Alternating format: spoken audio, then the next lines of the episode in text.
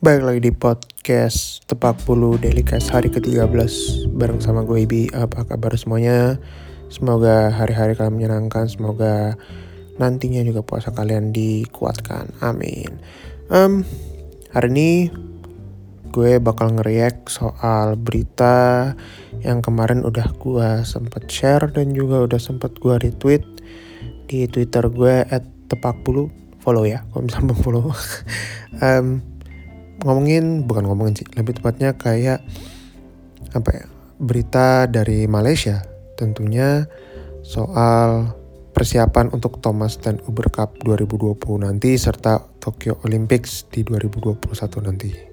Jadi Badminton Association Malaysia atau Federasi Badminton Malaysia telah mengumumkan secara resmi uh, bahwa paling tidak para pemain setelah memenuhi setelah mungkin sambil menunggu approval atau persetujuan dari National Security Council dan Youth and Sports Ministry atau apa lembaga olahraga dan pemuda mereka para pemain akan kembali ke pelatnas mulai 1 Juni 2020 artinya kurang lebih tiga minggu dari sekarang lah. Itu dimulai dari pemain yang uh, sudah diprioritas, diprioritaskan untuk ke Tokyo Olympics dan berikutnya pemain-pemain yang lain gitu secara gradual atau secara perlahan. Um, sebagai bentuk apa ya interest of both the nation and also national badminton squad. Jadi apa demi apa ya ini semua demi bangsa dan juga demi squad badminton mereka tentunya ya kan?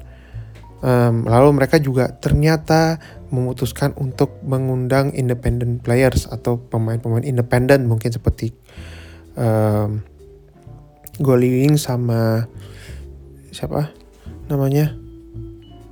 Eh pokoknya gak Chan Peng Son ya baru inget sama Chan Peng Son yang sudah menjadi independen itu buat berlatih bersama dengan para pemain pelatnas yang lain di Bukit Kiara atau di ABM Akademi Badminton Malaysia gitu. Paling tidak pertengahan Juli 2020 nanti uh, untuk basis dua kali seminggu gitu.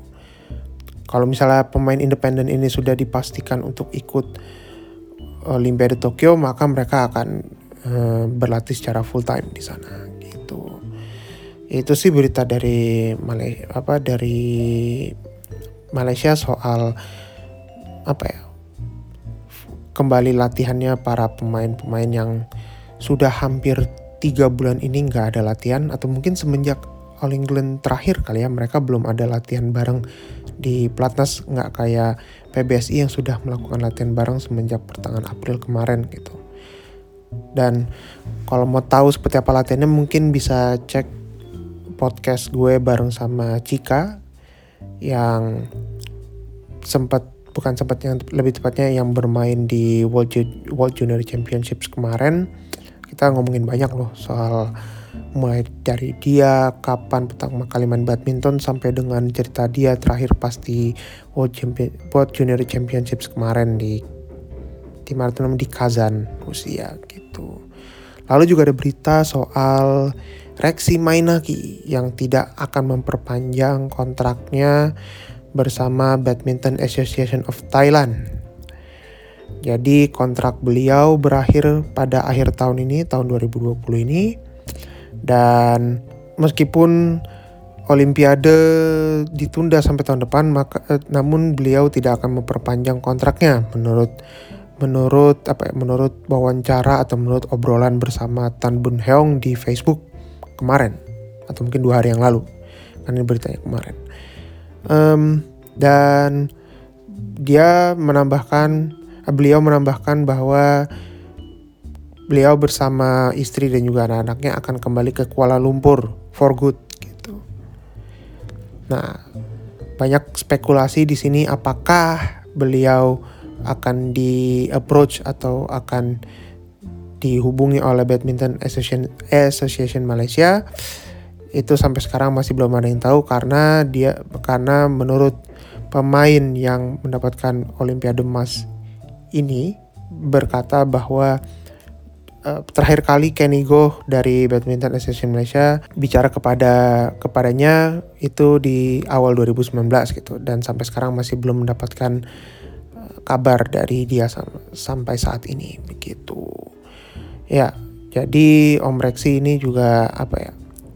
Sudah sudah berapa tahun ya di Thailand tuh kurang lebih sudah empat tahun karena kalau nggak salah terakhir itu setelah Olimpiade 2016 beliau langsung pindah ke Thailand sebagai pelatih kepala atau sebagai pinpres ya gue lupa pokoknya yang jelas ini akan menarik untuk ke depannya di dunia badminton karena paling tidak dengan adanya kekosongan turnamen ini mungkin bisa jadi akan ada banyak perubahan di squad maupun di kepelatihan di masing-masing federasi begitu. Um, berita yang gue ambil ini sumbernya dari badmintonplanet.com. Lalu juga kalau berita tadi soal persiapan untuk Thomas dan Uber Cup itu langsung datang dari Badminton Association Malaysia lewat twitternya at BA underscore Malaysia. Ya udah nggak tahu lagi sih mau ngomongin apaan karena emang ya ini juga namanya cast kembali lagi gue tegaskan ini sebagai latihan untuk monolog gue gitu. Oke, okay, thank you udah dengerin Cast hari ke-13. Sekali lagi, terima kasih. Sampai jumpa di hari selanjutnya. Gue cabut. Peace.